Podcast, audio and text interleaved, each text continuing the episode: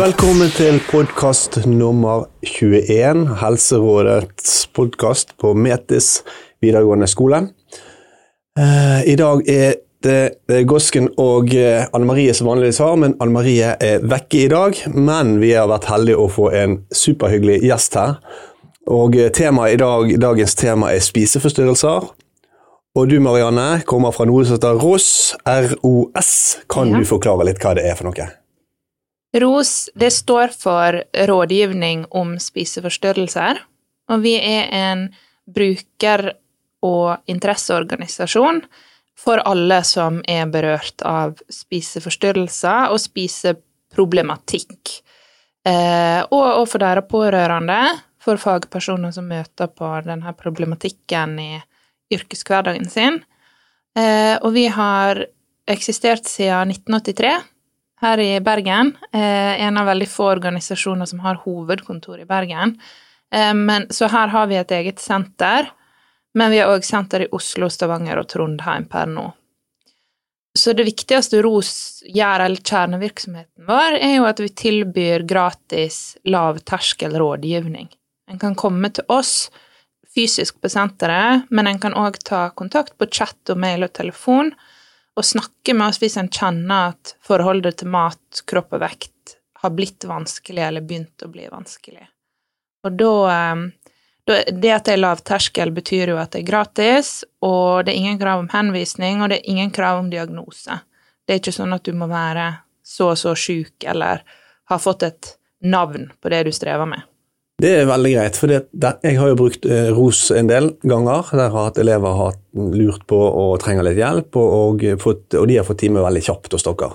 De kan rett og slett slippe å gå gjennom fastlege og komme rett bort fra å få råd. Og Det er så deilig for meg og helsesykepleiere som jobber, å vite at vi har noen som kan dette enda mer enn oss. sant? Uh, ubyråkratisk, og det er utrolig deilig. Kan du si litt, Hva er inneholder dette ordet spiseforstyrrelser? Hva er, det, er det en stor sekkebetegnelse? Sånn, det, hva, hva, handler det om? Eller hvor stort er det? Hva Ulike typer, da, hvis det finnes, kan si sånn. da. Vi eh, pleier å definere spiseforstyrrelser som at eh, når tanker, følelser og atferd er knytta til mat, kropp og vekt, og når det tar eh, Når det overskygger alt annet i livet og, og gir dårligere livskvalitet. Sånn at det, det handler ikke egentlig mest om hva du eter, og hvor masse du eter, og hva du veier. Det handler om i hvilken grad det påvirker livet ditt negativt, og hvor stor plass det tar i livet. Eh, for eksempel så kan en jo Altså, et spørsmål en kan stille, er jo for eksempel om det er mat Er det maten som styrer livet, eller er det livet som styrer maten? Altså, det, det går noen grenser der. Det handler veldig mye om, om den plassen det tar, hvor mye krefter en bruker på å tenke på de tinga her. Um, og så er det jo sånn at spiseforstyrrelser um, har mye til felles på tvers av diagnoser. Det handler, det handler jo ikke om kropp og mat mest, egentlig. Det handler jo om tanker og følelser.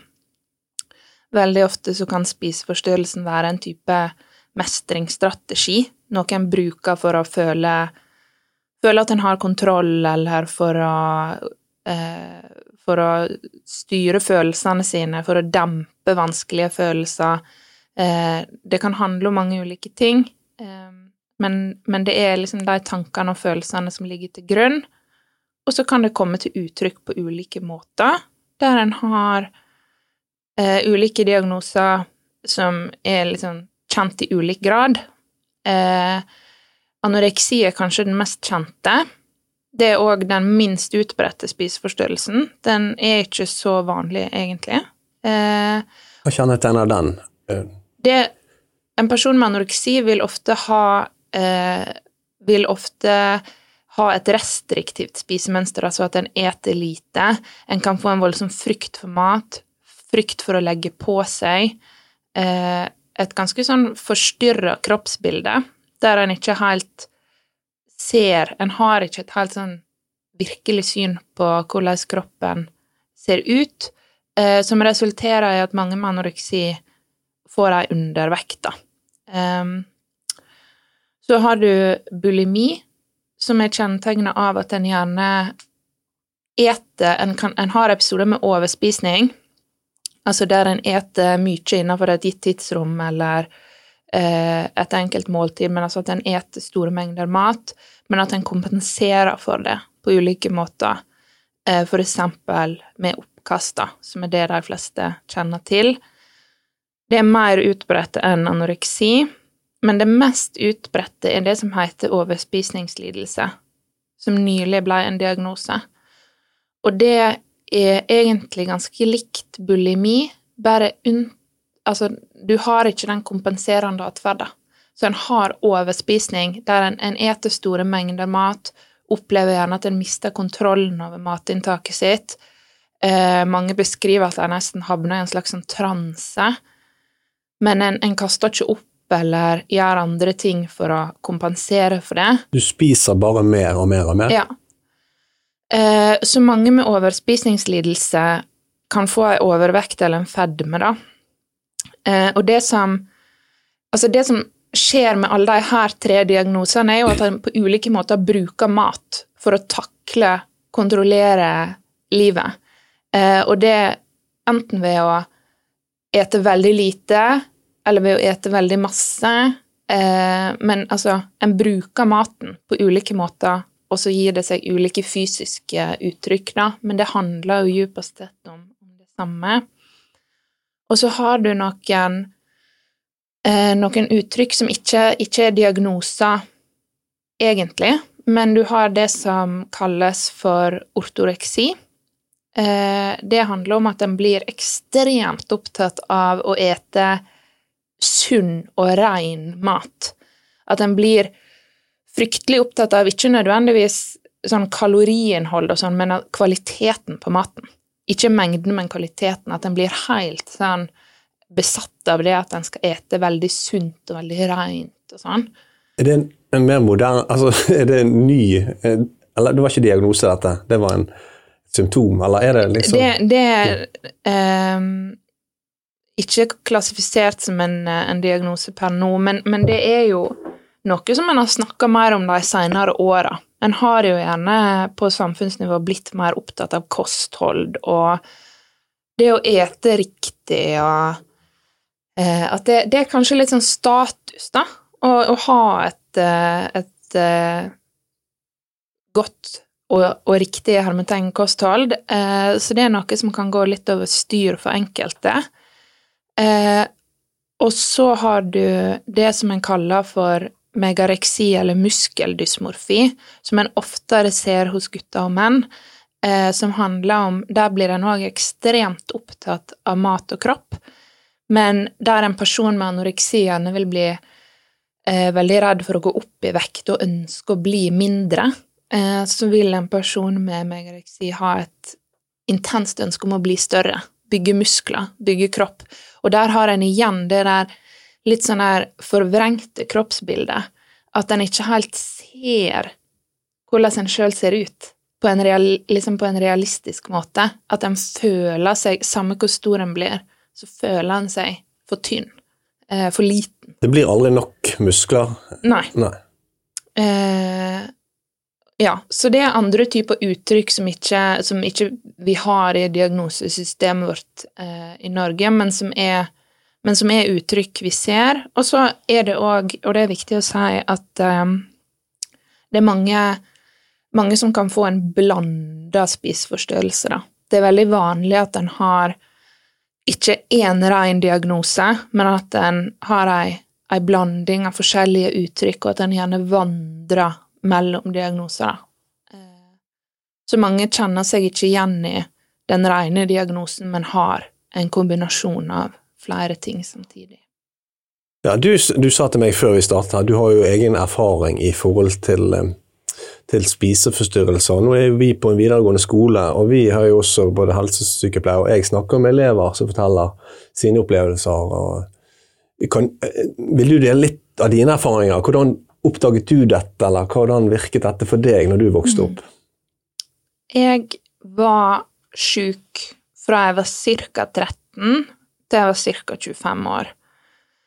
Um, og jeg Min historie er litt sånn typisk. Altså, den kan illustrere på en litt sånn god måte hva som ofte skjer, da. Fordi at jeg var, da jeg var 13, nesten 14 år, eh, så, jeg, så er du jo inne i en sånn overgangsfase i livet, sant. Det er mye som endrer seg, både fysisk og sosialt. Eh, og det en ser at spiseforstyrrelser ofte blir utløst i sånne overgangsfaser der det er mye endring. Eh, I mitt tilfelle så var det det at jeg begynte i min første, altså min første jobb, i tillegg til alt det som skjedde eh, sånn rent kroppslig og oppi hodet, da. Eh, og jeg hadde, helt siden jeg var ganske liten, vært veldig opptatt av det her med kropp. Eh, Jeg hadde et veldig sånn klart bilde av Eller jeg hadde en sånn idé om at det fantes en type kropp som var bedre. Dette husker du fra Ja. du Ja. Veldig godt. Eh, og at det, det fantes en type kropp som var mer riktig enn andre typer, og min kropp var ikke helt riktig. Den var ikke helt bra nok. Jeg burde, jeg burde ha sett annerledes ut, syns jeg sjøl. Eh, sånn at da jeg, jeg begynte i denne jobben, hadde et veldig sånn sterkt ønske om å bli lagt merke til, eh, få oppmerksomhet. Hva jobb var dette her, siden du var opptatt av oppmerksomhet? Det Eh, nei, det, det her var helt sånn der eh, Standard første type jobb for en 13-åring. Altså, jeg sto i oppvasken på hotellet, men det var bare, bare det å plutselig være sammen med masse nye folk, da. Jeg hadde veldig lyst til å, å bli sett, egentlig. Og da jeg ikke blei det, sånn som jeg ønska, så tenkte jo jeg at eh, da, da må jeg prøve å forandre på noe. Og, og det første som kom til meg, var jo det å forandre på kroppen. Så da begynte jeg på en slankekur eh, som utvikla seg ganske fort, egentlig, til en, til en alvorlig anoreksi.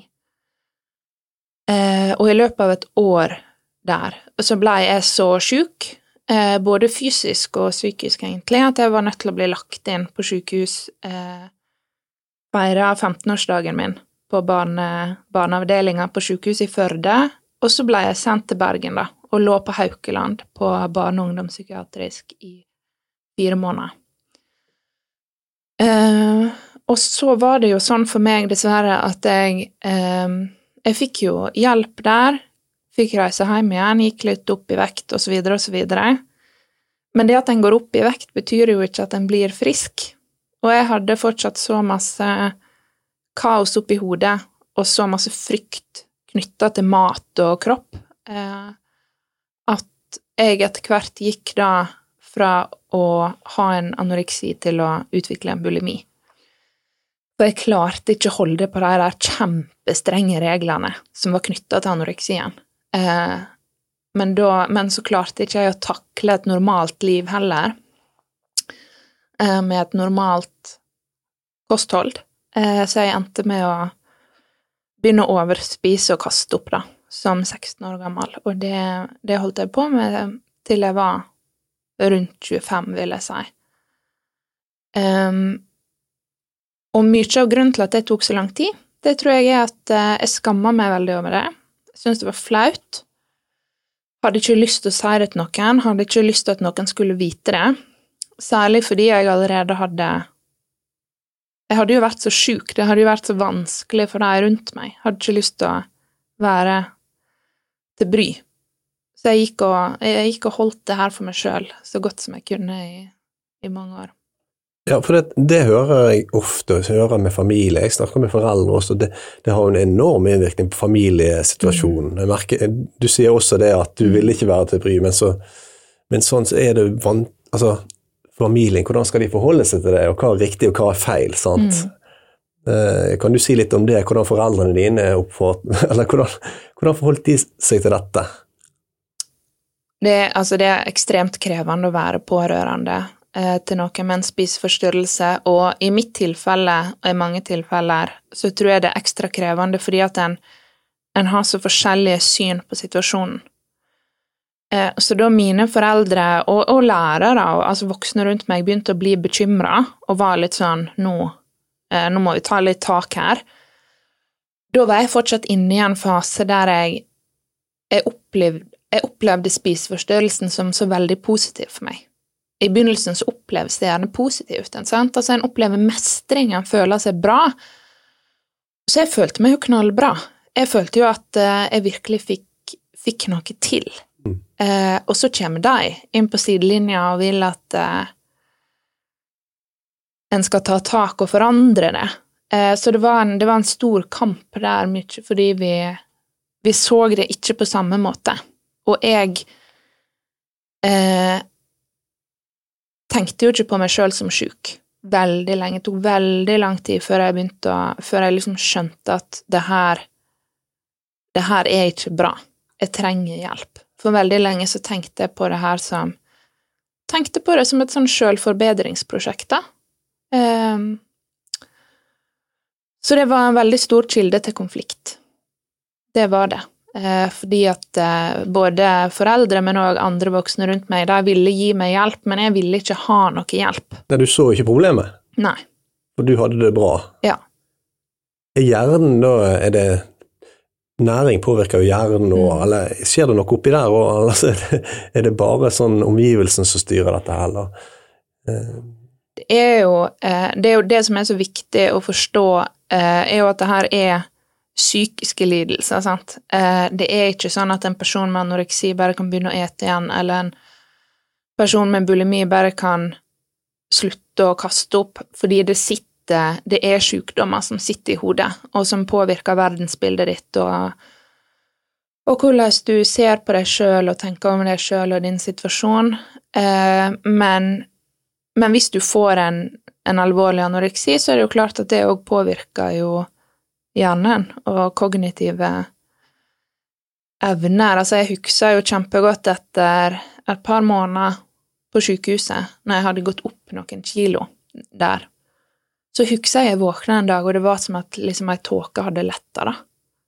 Eh, fordi at hjernen trenger Altså, hjernen trenger jo fett for å fungere, sant? Sånn at jeg hadde fungert på et veldig lavt kognitivt nivå veldig lenge, og så plutselig våkna jeg en dag og kunne tenke bedre tanker, liksom. Det var veldig rart. Men du kjente det at det å få til seg næring da, det hjalp rett og slett? Det er En sånn Ja. fysisk greie, for den trenger jo bensin i hjernen som resten av kroppen. sant? Du Mm. må ha... eh. Men når skjønte du For du, du sier nå at eh, når din spiseforstyrrelse varte frem til du var 25, ble du fri, altså, kan man bli frisk? Altså, Er du da frisk da nå? Eh, Og Mm. kan man si at dette går over, du får hjelp, du blir frisk? En kan bli helt frisk, ja. Det, det er veldig viktig at folk vet, og veldig mange av oss som jobber i ROS, har jo egen erfaring, eh, og har havna endt opp i den jobben på grunn av egenerfaringa vår, og en viktig del av rollen er jo da å altså kunne formidle håp, ved å altså vise at det er mulig, selv om det kan føles helt håpløst når en står midt i det. Um, men ja, jeg eh, det, det tok lang tid eh, for meg å bli frisk, men jeg ble det til slutt, og det som var vanskelig, og jeg tror grunnen til at det tok så lang tid, var at det handla mye om å, å finne riktig motivasjon. Hva hjalp for deg, eller hva, hvor, fant, hvor fant du motivasjonen? Eh, jeg fant den i Altså, det var noe annet i livet mitt som ble mer interessant og mer viktig. For det som jeg sa innledningsvis, er jo at en spiseforstyrrelse vil jo ta vel, etter hvert veldig mye plass i livet. Eh, og ta vekk plassen til andre ting du kanskje drev med før, eller altså ta krefter og tid vekk fra andre ting du egentlig kanskje har lyst til å drive med, eller pleide å drive med. Og for min del så var det sånn at jeg kom inn på et studie i Oslo som jeg var altså, dritstolt over å ha kommet inn på, var kjempegira på å ehm, gå der, lære, bli flinkere. Og så merka jeg jo at jeg klarte jo ikke å For jeg, det her med overspisning og oppkast tok så stor plass i livet mitt. At jeg, jeg sov dårlig, jeg forsov meg, jeg kom meg ikke på skolen, jeg hadde ikke overskudd. Jeg klarte ikke å prestere, jeg hadde ingenting å, å gi, liksom. Og da følte jeg virkelig at sånn, altså sånn har ikke jeg lyst til å ha det. Jeg har så lyst til å kunne bruke kreftene mine på interessene mine. På å bli, det her var jo skriving, sant? for min del kreativ skriving. Altså, jeg har lyst til å bli skikkelig god til det. Jeg har lyst til å bruke tida mi på det, ikke på mat. Og det, det var liksom en motivasjon som var så god at uh, den du, du, merket at fokuset på spising og oppkast eller hele Det, det forstyrret uh, jobben din som skriver, eller, som, eller, ja. eller, det du skulle prosjektet ditt nå, da. For du mm. klarte rett og slett ikke å prestere hvis du fortsatte med, mm. med, med tvangsspising og oppkast. Det, mm. det tok for, også søvn, da. Ja. Det er jo også en ting her, har jeg skjønt, det med søvn, at det kan forstyrres òg. Mm. Nei, for det, det, tok for stor plass. sant? Jeg hadde ikke plass til både å ha den spiseforstyrrelsen og få til alt det, og gjøre alt det andre jeg hadde lyst til. Og sånn hadde det jo alltid vært, sant? at jeg merka at det her, altså det her tar veldig stor plass, men endelig så var det liksom noe i livet mitt som jeg syntes var som, var som, var så viktig for meg. Bytte ut noe ja. med noe annet som kan fylle det tomrommet, ja. sant? For det å bli frisk handler veldig mye om det å, å, å begynne å bruke tid på andre arenaer i livet. Sant? Altså la andre ting i livet, annet enn mat, kropp og vekt, begynne å ta litt mer plass. Eh, og ja, gi mindre plass til den spiseforstyrrelsen eller det spiseproblemet, da. Kan du sammenligne litt i forhold til rusmisbruk? Eh, det å kunne bytte ut altså Rusmisbrukere har jo ofte sånn å finne når de er ferdige og prøver å slutte, mm. så er det å bytte det ut med noe aktiviteter, holde på med noe som gir den samme greien oppi hjernen, sånn at man får dekket det behovet. da, eh, på et eller annet, At du bytter ut den rusen og du bytter ut den spiseforstyrrelsen med å fylle livet med et innhold som ja. gir mening. Du kan eh, på veldig mange måter sammenligne det med rusmisbruk. Eh, det, det er jo bare Altså en, en spiseforstyrrelse og en ruslidelse vil ha veldig mye til felles. Det handler om ofte indre smerte. Eh, som en har funnet en strategi for å takle. Og det kan være mat, men det kan òg være rus. Eh, så det har veldig, veldig mange likhetstrekk, egentlig.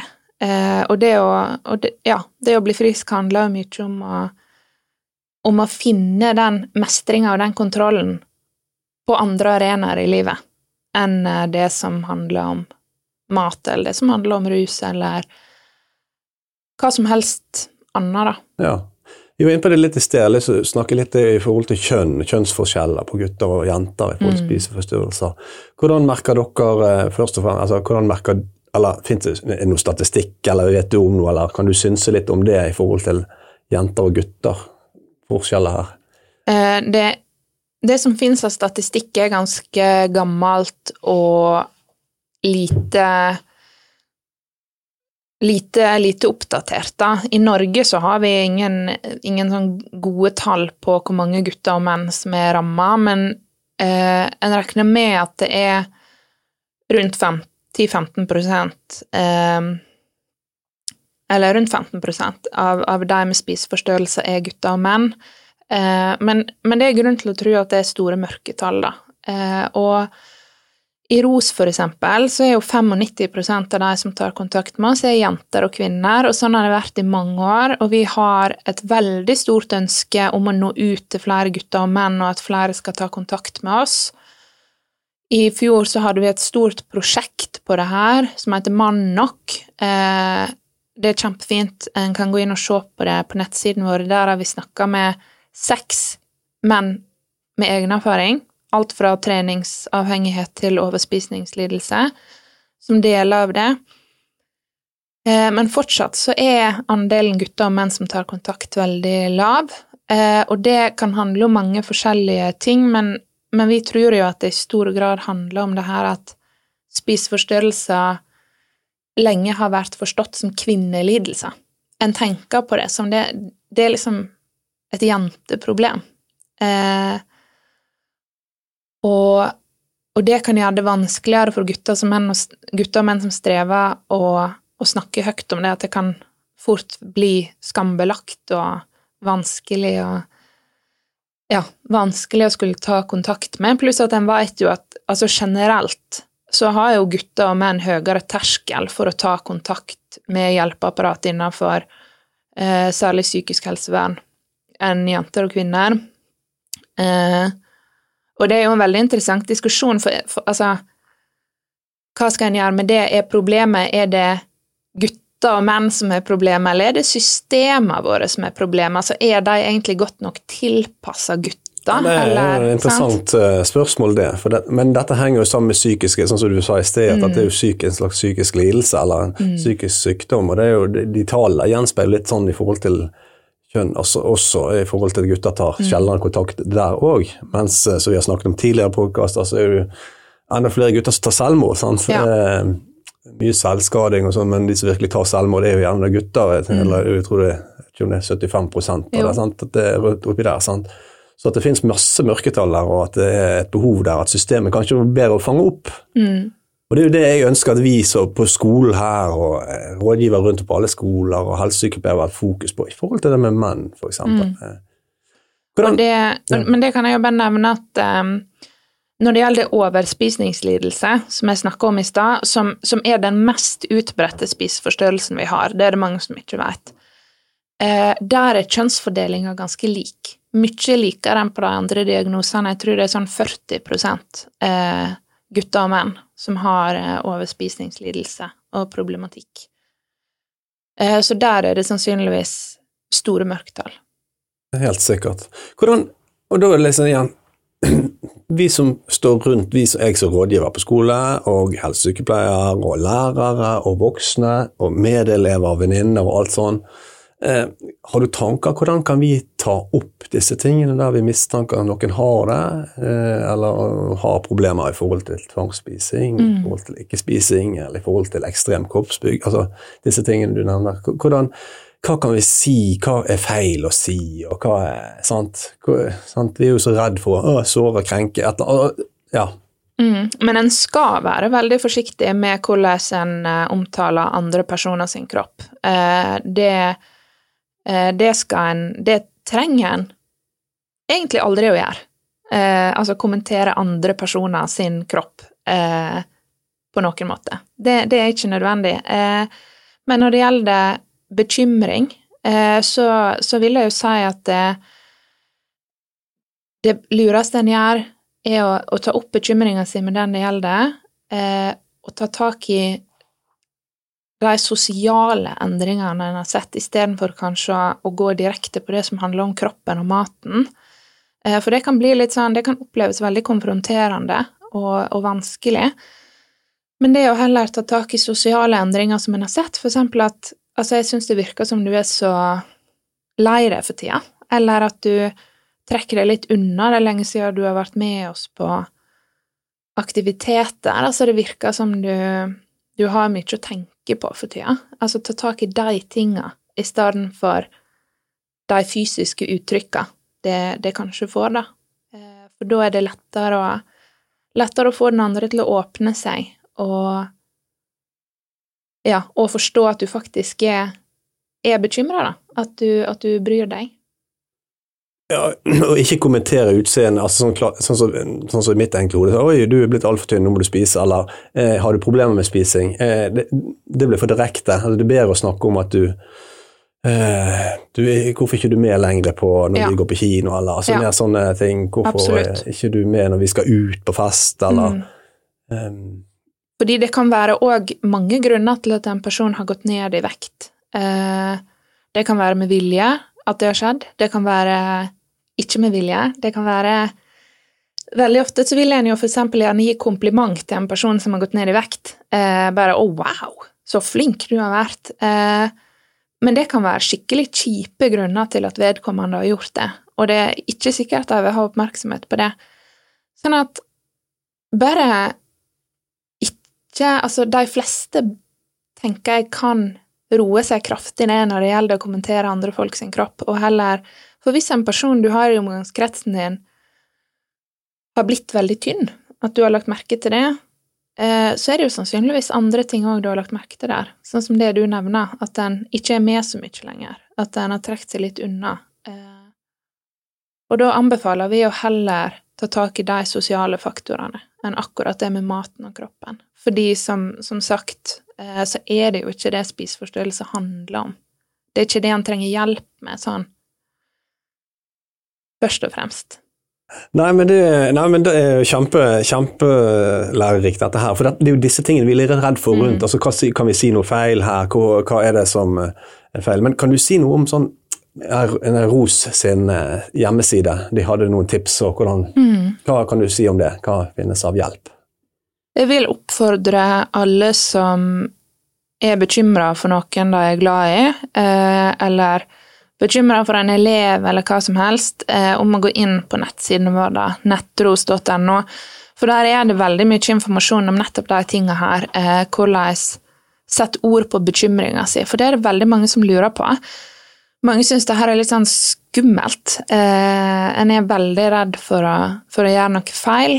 Eh, og der, der er det veldig mange fine og konkrete tips til hvordan du kan ta en sånn bekymringssamtale med en venn eller et søsken eller hvem som helst. Og det er òg mye informasjon eh, for sjølberørte. Altså hvis en sjøl begynner å kjenne at forholdet til mat og kropp begynner å bli litt vanskelig, at hvis en merker at nå, nå begynner tanker om mat og kropp og vekt å ta veldig stor plass i hverdagen min, eh, så, så er det òg mye god informasjon der, og en kan ta kontakt for rådgivning anonymt på chat, eller ehm, en kan òg komme inn til, til samtaler da, fysisk sentre våre. Og det vil jeg gjerne si at altså, det er mange som er, som er usikre på om de egentlig er syke nok til å fortjene hjelp, eller om de egentlig er det her så farlig, da? Jeg er jo ikke så tynn, og jeg har jo ikke gått ned i vekt. Altså, det er veldig mange som tror at spiseforstyrrelse handler om vekt, og spesifikt undervekt. Og hvis du ikke er veldig tynn, så er ikke det så farlig. Men mitt hovedpoeng da er jo at det her handler om hvor stor plass tar de tankene i livet ditt. Hvor mye går det utover livskvaliteten din. Hvis du tenker på mat og kropp 95% av dagen, så har du et problem uansett hva du veier, og da fortjener du å få hjelp. Eh, så jeg vil absolutt oppfordre til å bruke den, og så kan jeg jo bare nevne at vi nylig har lansert et læringsprogram for pårørende som heter Kom nærmere, eh, der personer som har egen erfaring og pårørendeerfaring, deler erfaringer og tips. Eh, der deler annet jeg min historie, og min kjære venninne Mari eh, snakka om hvordan det var å være min venn da jeg var sjuk. Eh, og vi blei kjent på videregående, Det så det kan hende at det har en del sånn overføringsverdi til personer i den alderen, da, når det gjelder det med hvordan, hvordan skal en være en venn? Hvordan skal en være en god venn for noen som strever? Veldig bra tips. Eh, Nå er klokken Nå er vi langt over tiden her. og jeg må bare si Tusen hjertelig takk for at du ville komme her, Marianne. Det var veldig hyggelig. Kanskje vi inviterer deg tilbake en, Ja. en annen gang. Og så skal vi notere disse eh, adressene på siden vår, eh, tekniker Marius. Det får vi til. Yes. Supert. Ja, takk for i dag. Ja, takk for meg.